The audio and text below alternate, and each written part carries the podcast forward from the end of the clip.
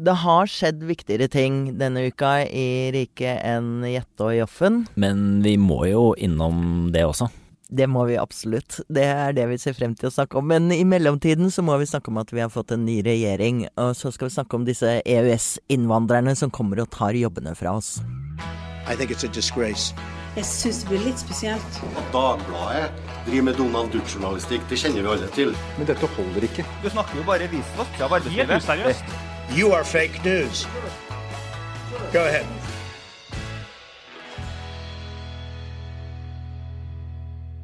Ok, så blir det en flertallsregjering. Etter to ukers eh, utredning om mulighetene for et forhold, så sa de ja.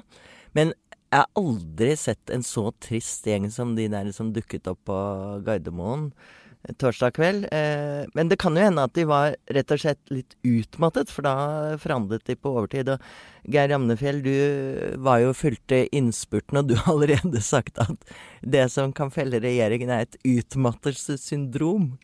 Ja, politisk utmattelsessyndrom, det er noe som de kan risikere å, å utvikle. Og de, de er jo fordi de den, eh, den firepartiregjeringen her den har jo så store indre motsetninger. Det er uh, interesser som går i så mange ulike retninger. Det er allianser som på en måte dannes på kryss og tvers, avhengig av hvilken sak du har. Om det er sånn bioteknologi eller om det er klima. Så liksom skiftes alliansene.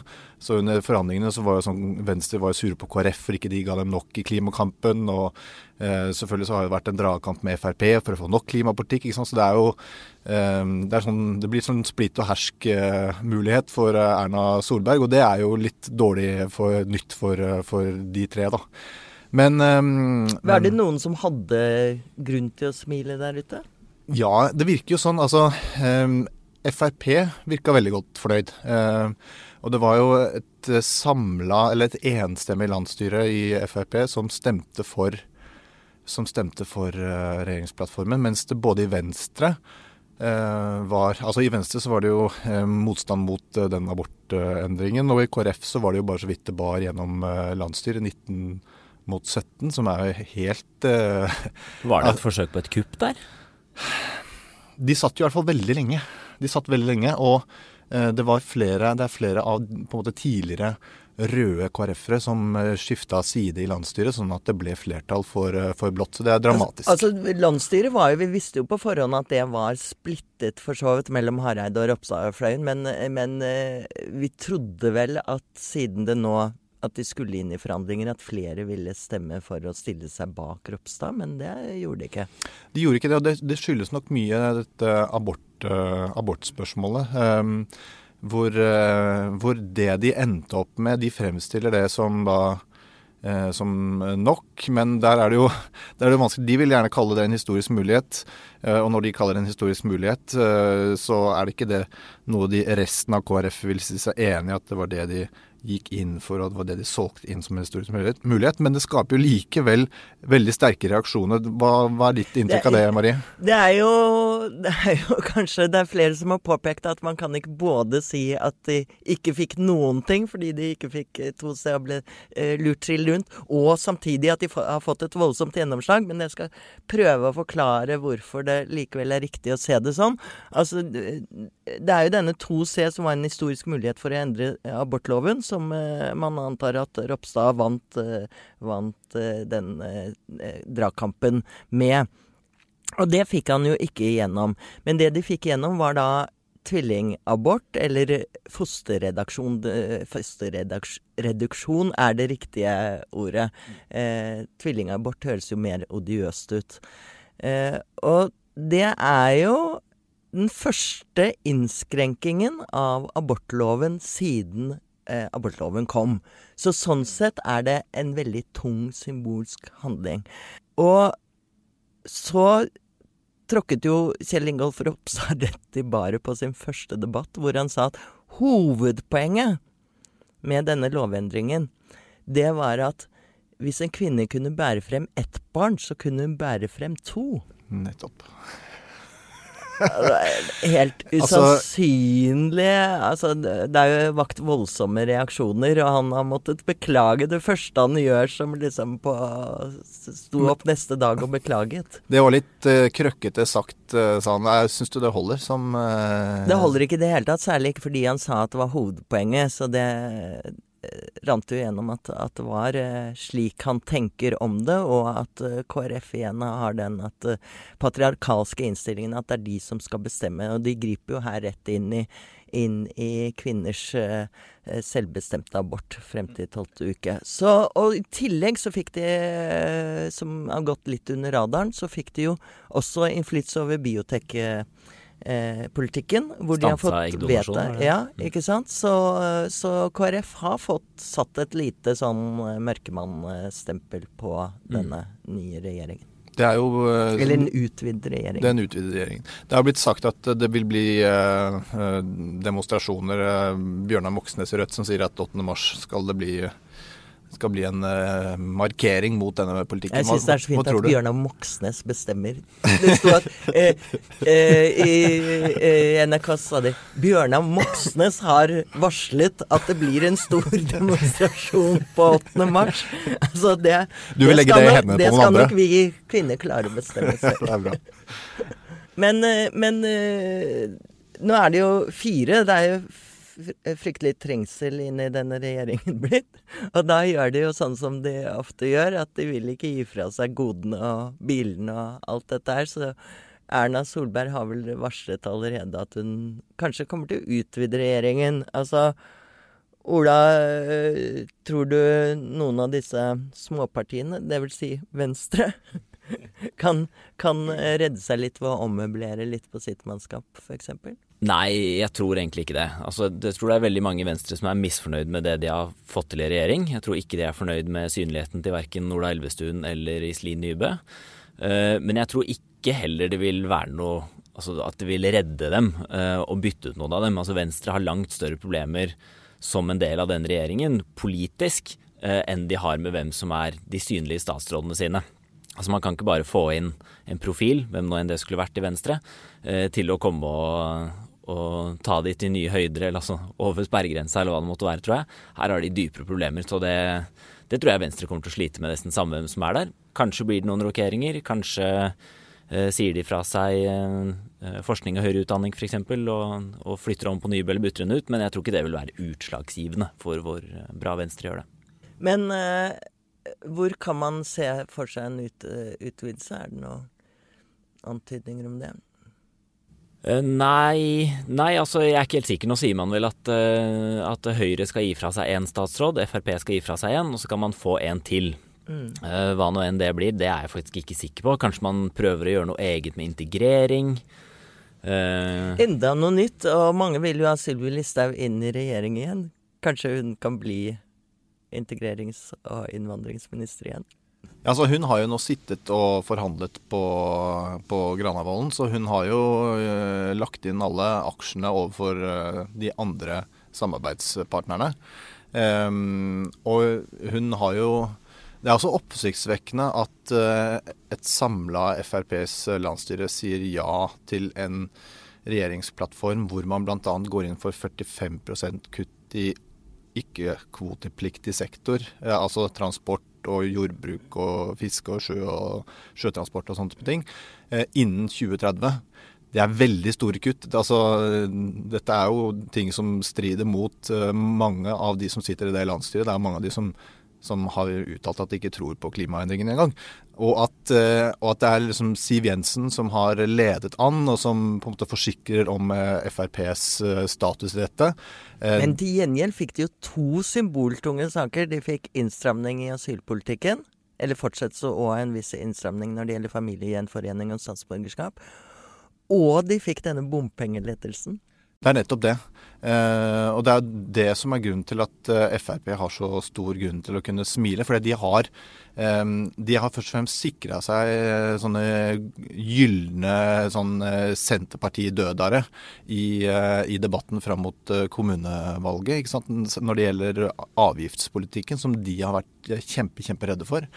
hvor de er blitt tvunget på defensiven. Altså, de fikk noe på innvandring, det er ikke mye, men de er, de, der kan de på en måte si at der, liksom, der vi, holder vi fast, og det blir, noe, det blir ikke noe mer der. Og så kan de si at ja da, vi skal ha en mer offensiv klimapolitikk, og vi skal kutte så og så mye innen liksom elleve år. Hvem er det som bryr seg om det? Og så kan du si det at eh, Men det blir ikke mer utgifter på bilistene.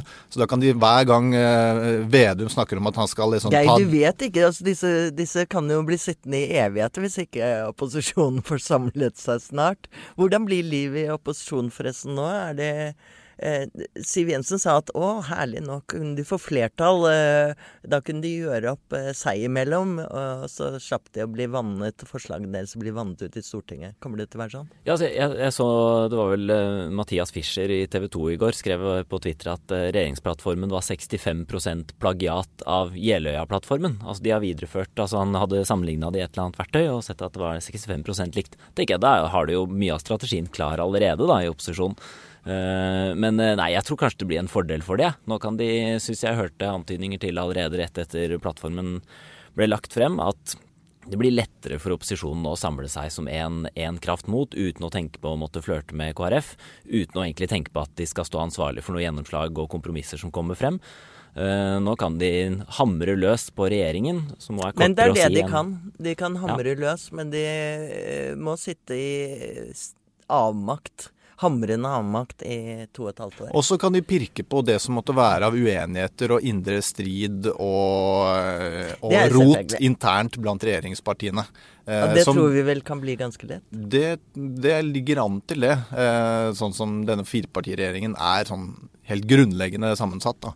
Men det jeg mente med det at, eh, at, eh, at, hvem bryr seg om hva som skjer om elleve år, altså det er noe som som Frp kan selge inn til sine egne. Så lenge ikke bilistene får noen økte utgifter, så, så er det på en måte greit nok for dem. Det er det, det, er det viktigste eh, poenget de trenger å selge inn.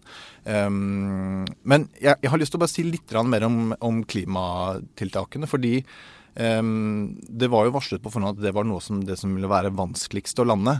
Uh, og det er jo åpenbart fordi uh, for Venstre, eh, og også egentlig for store deler av Høyre, så er det veldig viktig, og egentlig for KrF, selv om de, selv om de har valgt helt andre strategier, så er det noe av det viktigste. Eh, og noe mange av deres velgere er aller aller mest opptatt av. Så eh, de har nå fått av dette 45 %-kuttet. Men altså f.eks. innenfor transport så er da all CO2-prisen, økt CO2-pris innenfor veitransporten, det skal da kuttes ut, eller det skal da fjernes i andre enden, ikke sant? sånn at det ikke blir økt uh, for veitransporten. Uh, og nå er man da et uh, flertallsregjering, sånn at hvis de skal ha hjelp til tiltak, altså konkretisere, hvordan skal de få til 45% kutt innenfor veitransport og landbruk og sjøtransport på elleve år. Altså, det, det, må komme veldig mange og veldig konkrete tiltak, og det er det lite spor av i den regjeringsplattformen her. Man snakker om f.eks. at man skal ha utslippsfrie anleggsplasser, som, de, uh, som Trine Skei Grande uh, skrøt av på pressekonferansen i går. Men hvis man leser dokumentet, så står det at man skal legge til rette for utslippsfrie uh, anleggsplasser innen 2025. Det er noe annet enn at det skal være. Eh, og på dette 45 %-kuttet så står det altså at eh, hvis, hvis, hvis, det, hvis, det, er strengt nødvendig, så skal man kjøpe kvoter utenlands. Så det er, liksom, det er sikkerhetsventiler og forhandlingspunkter hele veien. De har kalt seg selv eh, noe så kjedelig som firepartiregjeringen. Mm. Oh, et inspirert navn. Men, men uh, vi kan vel ikke kalle dem uh, blågrønn heller, etter det jeg skjønner, Geir. Uh, men blågull er kanskje, kanskje Det ligger, en grønn, det ligger en, et grønt potensial der, men det er så mye som må gjøres. Og innenfor oljepolitikken så har de ikke fått noe gjennomslag. De hadde i, vi hadde i høst et um, utvalg som het Klimarisikoutvalget, som Venstre og Ola Elvestuen brukte enhver mulighet til å nevne. At vi får Klimarisikoutvalget som legger fram sin rapport i høst som vil få store konsekvenser for hvordan vi planlegger uh, offentlige investeringer og innenfor petroleumssektoren. Ingen spor av det i denne plattformen, og det er veldig veldig rart når det har vært på en måte det viktigste som eh, Venstre som regjeringsparti har pekt fram mot, som liksom en game changer innenfor offentlige hvordan offentligheten skal forholde seg til dette. Det kan vel være derfor de var på 2,1 i siste måling. Ja, nei, dette blir tøft. Ja, dette blir tøft. Uh, sitter de to og et halvt år til? Ja. Ja, de må det nå. Jeg tror det. Jeg tror det. De må holde ut med hverandre. Det er sånn uh, Det er et fornuftsekteskap som de uh, som De må altså, lære å elske hverandre. Men kan det fortsatt være litt gøy for oss? det er alltid gøy for på, oss. På slutten på de rød-grønne med flertallsregjeringen så var det jo grusomt. Det var sånn nesten du heiet på et regjeringsskifte for å få en mindretallsregjering og innblikk i hva som skjedde. Ja. Nei, altså Hvis vi ser litt sånn tilbake på året som har gått, så var det sånn um, Det man tenker seg nå, det er at uh, nå er det flertall på Stortinget, og dermed blir det mindre, mindre krangel i Stortinget. Men de skandalene og de sakene som har vært i Stortinget og preget den politiske debatten det siste, siste, året er jo ikke nødvendigvis liksom, at det mangler flertall på Stortinget for en sak. Det er jo andre ting. Det er jo eh, retorikk som blir brukt, altså folk som presser, eh, eh, presser på på andre måter. Altså Det var jo Olemic Thommessen, og det var Per Sandberg som reiste altså det, det, er fortsatt mye løskrutt Erna, der ute. Erna som, kommer nok til å få bruke uttrykket 'jeg ville ikke brukt akkurat de ordene igjen'. Uh, ok. Vi, uh, dette blir uh, vårens og årets snakkes, for det er et kommunevalg, så dette blir spennende.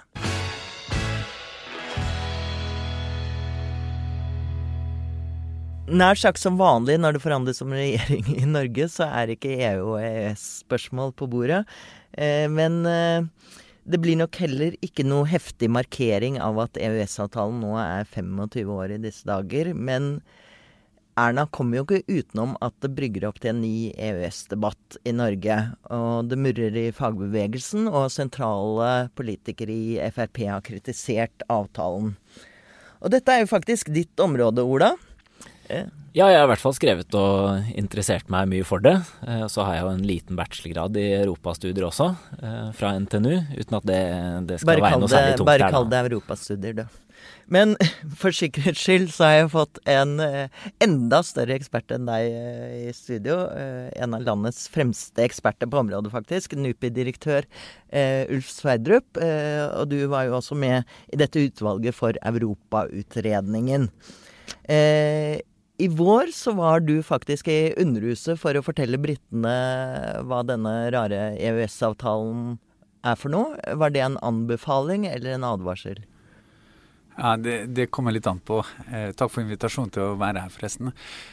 Nei, Det jeg sa den gangen, eh, var at jeg tror det er vanskelig for Storbritannia å forlate europeisk integrasjon. De kan forlate EU, men det er vanskelig å forlate europeisk samarbeid og integrasjon. Det er det første. Og det andre er at for å kunne ha et stabilt forhold til Europa, så er det naturlig og viktig å ha et slags bredt nasjonalt kompromiss om veien videre. Så det var, om du kaller det en advarsel eller en, en anbefaling, det får, kan ulike folk tolke på ulik måte. Men det, det tenker jeg er det sentrale. Og EØS-avtalen har på en måte vært vår langsiktige avtale, og den har vært et politisk kompromiss. Hvorfor er det blitt så mye vanskeligere nå egentlig å melde seg ut av det europeiske samarbeidet enn det var for f.eks. 25 og 30 år siden? Uh, ja, altså For det første så har det aldri vært prøvd før, da. Altså du ett uh, Grønland meldte seg ut. Da, da fikk en sånn selvstyre, så de meldte seg litt ut av Danmark, og den får ut av, av, EU. Men bortsett fra det så har jo det aldri skjedd at noen har meldt seg ut. Men han har laga en regel, da. Man har laga en regel for hvordan det skal gjøres. Og man tråkker opp den veien nå fra EU-siden, egentlig. Det er litt viktig å tenke om brexit som at sett fra EU så handler dette om at det er ikke bare Storbritannia som skal gå ut, men de også skal regulere hvordan andre, eventuelt fremtidige land, skal gå ut. Så derfor så har de etablert noen prinsipper uh, i den prosessen. Men hva, hva, skjer nå? Denne uken så var det jo en dramatisk avstemning. Eller dramatisk og dramatisk, men det var i hvert fall mye støy om en avstemning om uh, eh, Theresa Mays avtale som, hun, som ventet ble nedstemt. Men hva er veien videre for britene da? Ja, så Det første tror jeg, for å holde fast i det vi sa i sted, at det ligger en slags skilsmisseavtale nå. Og den har EU sagt at det er ikke så mye vi kan gjøre på den. Sånn må det være. Så der tror jeg ikke det er så mye å forhandle på. Men det som er det sentrale spørsmålet i Storbritannia, er jo hvilket forhold skal de ha til EU i det videre. Og det er de ikke enige om. Og det er egentlig det krangelen går om. Og så blir den projisert gjennom selve utmeldelsesavtalen. Uh, så spør du hva er veien videre. Røftlig så ligger det jo tre alternativer der, uh, i ulike varianter. Det første er å gå ut av EU uten noen som helst avtale. Og hvis det ikke gjøres noen aktive grep, så skjer jo det i slutten av mars. Klokka 11 29. mars. 11 britisk, eh, nei, europeisk tid og 12 britisk tid. Eh, det andre alternativet er jo å reversere. Start på nytt. Enten da ved å Er det noe sannsynlig? Altså, du kan si Det er noen som sier at vi skal ha ny folkeavstemning. Det er noen som ønsker å ha nytt valg i Storbritannia. Og det er noen som tenker seg la oss starte med noen andre røde linjer. Altså f.eks. være med i tollunionen, og derfor starte å innlede for et annet type partnerskap. Så jeg vil si at det er ikke usannsynlig. Og det tredje alternativet er jo å prøve igjen. At meg rett og slett ikke kommer noen vei, og må prøve igjen. Så det er de tre alternativene. Det som skjedde på, på ja, i forrige uke, uh, med den voteringen til uh, May, eller var det denne uka? Jeg husker det var denne uka. Denne uka ja. Det var jo egentlig at sannsynligheten for å gå ut med hennes avtale falt jo litt. Men sannsynligheten for å gå ut uten avtale er i mine øyne blitt litt større. Og samtidig sannsynligheten for å starte på nytt på en eller annen måte er også blitt litt større. Nettopp. Men avklarheten Nei, det er ikke blitt noe mer klarhet. Bra fortsatt eh, kaos. Men uh, noe av det britene nettopp hadde nærmest som slagord, de som uh, ville ha britene ut av EU, var jo 'take back control'. Altså ta tilbake kontrollen, nasjonale kontrollen. Og det er jo noe av det som går igjen i EØS-opprøret her hjemme også, at man klager over Eller det har vært en evig alltid klagingen mot EU og EØS. At vi ikke har noe særlig innflytelse og kontroll over nasjonale bestemmelser. Men i hvilken grad er det riktig? Hvor stor innflytelse har vi egentlig? Altså, Vi har mindre enn Storbritannia eh, i å utforme eh, regelverk og politikken til Europa. Dels fordi at vi ikke er medlem. Hadde vi vært medlem, så ville vi hatt større innflytelse. Og dels fordi at vi er mindre. Så, så vi har ganske begrensa innflytelse. Men det som jeg tror er viktig i diskusjonen, er jo Det er jo lett å si at du skal ønske å ha kontroll, eh, men samtidig så er det sånn at i denne sammenvevde økonomien, der vi handler mye med verden, der vi eh, mennesker får flytte seg frem og tilbake, varer får flytte seg, kapital får flytte seg, så er det ikke så lett å si at OK, du skal ha full kontroll. Det er viktig er å prøve å si at kanskje Europa samla sett bør ha kontroll på noen type prinsipper og reguleringer. Og EU er på en måte det. Du åpner opp og lager et slags nasjonalt marked i Europa med fire friheter. Men så er jo titusener av rettsakter og regler som egentlig handler om å regulere disse frihetene. Ja, Det syns jeg er veldig gode poenger. Eh, og noe av det som irriterer meg mest med norsk EU-debatt, eh, e eller EØS-debatt, det er at man eh, omtaler altså dette tapet av kontroll som noe som bare har skjedd uten vår vilje eller velsignelse eller plutselig oppstått. Men det er jo ikke det. Det er jo et kompromiss vi inngikk mot at vi fragir oss litt suverenitet over noen eh, områder, mot at vi får masse igjen i form av økt velstand og handel, eh, og en rekke andre goder. Eh, og Det er jo en fordel for oss, og så er det jo hvordan vi velger å bruke det overskuddet, og hvordan vi fordeler det innad. Det kan jo man jo ha debatter om. Eh, men det er jo ikke sånn at dette oppsto helt i det blå. Det er jo snarere et, et, veldig godt kompromiss og et helt nødvendig måte å drive internasjonal politikk på, tenker jeg. Men påstanden er jo ofte at EØS og disse frihetene, det er noe som næringslivet og kapitaleiere tjener på. De rike, mens vanlige arbeidstakere taper, kan tape det. Er det noen som taper på EØS? Er det noen klare tapere? Ja, du kan si at all handel har fordelingseffekter. Du kan si i Norge. Men her i Norge? Også her i Norge, selvsagt. Du kan si at det genereres noen verdier av å, av å handle på et marked. Og så spørsmålet er hvordan skal disse verdiene fordeles. Det tror jeg egentlig at vi i Norge har en ganske god eh, måte å håndtere gjennom skattesystemet og sånn. Men så kan du si at eh, det kanskje viktigste stridsspørsmålet i Norge rundt EØS-avtalen handler ikke om frihandel eller om varebytte, men det handler om arbeidsvandring. Og der, eh, der er jo mange ting, egentlig, som genererer noen spenninger. Du kan si at de første ti årene med EØS-avtalen så var ikke spørsmålet om arbeidsvandring et problem. Problemet til Norge var at vi ikke fikk nok arbeidskraft. Men da Øst-Europa ble medlem av EU, og dermed ble medlem av EØS, så fikk vi mye mer arbeidsvandring. Og det kom til en periode da norsk økonomi gikk veldig godt. Så eh, 60% av alle arbeidsvandrere som kom til de nordiske land etter 2004, kom til Norge. Så Norge hadde omtrent like mange arbeidsvandrere per capita som Storbritannia. Nå, og, og, og, det har generert noen, noen, utfordringer. Så er spørsmålet hvordan har vi møtt de? Og der, der, vil jeg si at der har vi nok svikta litt. Altså Her jeg eh, tror det kom, det kom bråere på oss enn vi var forberedt på. Eh, man har ikke omskolert nok, man har ikke klart å uh, gi nok etterutdanning osv. til de som ble utkonkurrert av uh, av arbeidsinnvandrere. Og det tror jeg er sånn Det må både høyre- og venstreside i norsk politikk Denne uken kom det jo en for. undersøkelse som viser Ja, den slår fast det fra, fra Frisch-senteret. Veldig gode, flinke økonomer der som har sett på at dette er at dette er det en gruppe som taper på. Det er de som er født og har oppvokst i lavinntektsfamilier i Norge. Altså de fattigste familiene, de som har vokst opp der, de har tapt mest på det. Og det er jo, det er jo noe man må bøte på. Ja, Og du kan si, her, her tenker jeg det er i og for seg mye bedre nå enn det var for bare noen få år siden. Eh, jeg vil si et par, par viktige ting. For det første er at vi har på mange områder i samfunnet fått minstelønn. Det som kalles allmenngjøring i Norge. Det har dempa presset nedover. Det andre er jo at vi må styrke arbeidstilsyn, slik at vi ikke får sosial dumping og den type ting. Uh, og så er det jo viktig i norsk arbeidsliv kan si det, det er kanskje et av de viktigste stridstemaene er knytta til at vi i norsk arbeidsliv og i modellen vår har et slags trepartssamarbeid der arbeidsgiver og arbeidstakere forhandler om løsninger. Uh, og det, det, som har skjedd, er at noen av de forhandla løsningene mellom partene er blitt utfordra gjennom rettssystemet via EØS. Og det kan du si har, har satt samarbeidet litt på en ny prøve. Og da vil, er det jo mange som ønsker at vi rett og slett skal reforhandle EØS-avtalen. Er det realistisk?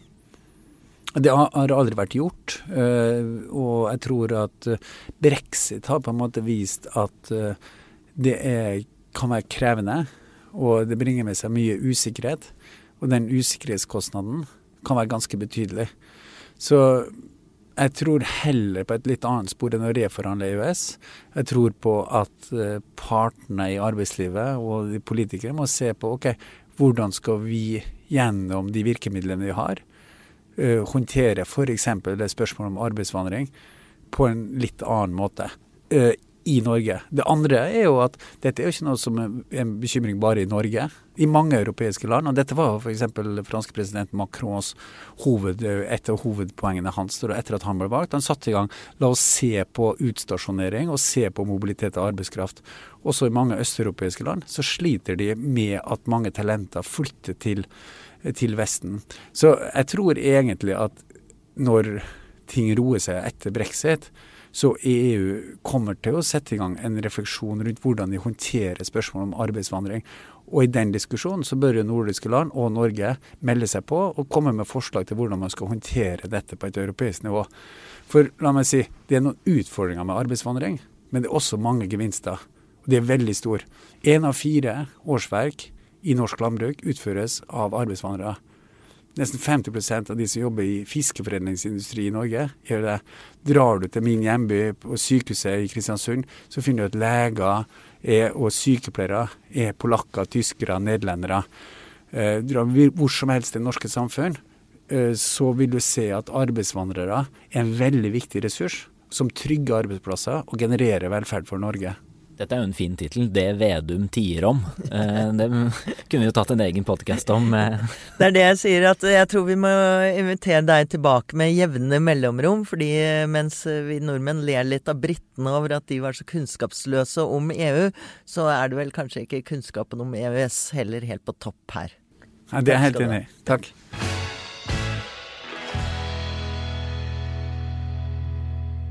Denne ukas store snakkis har vært eh, foreningen mellom VG-kommentator Fridtjof Jacobsen og Arbeiderpartipolitiker Jette Christensen. Hvorfor har det blitt så mye bråk om det, Marie?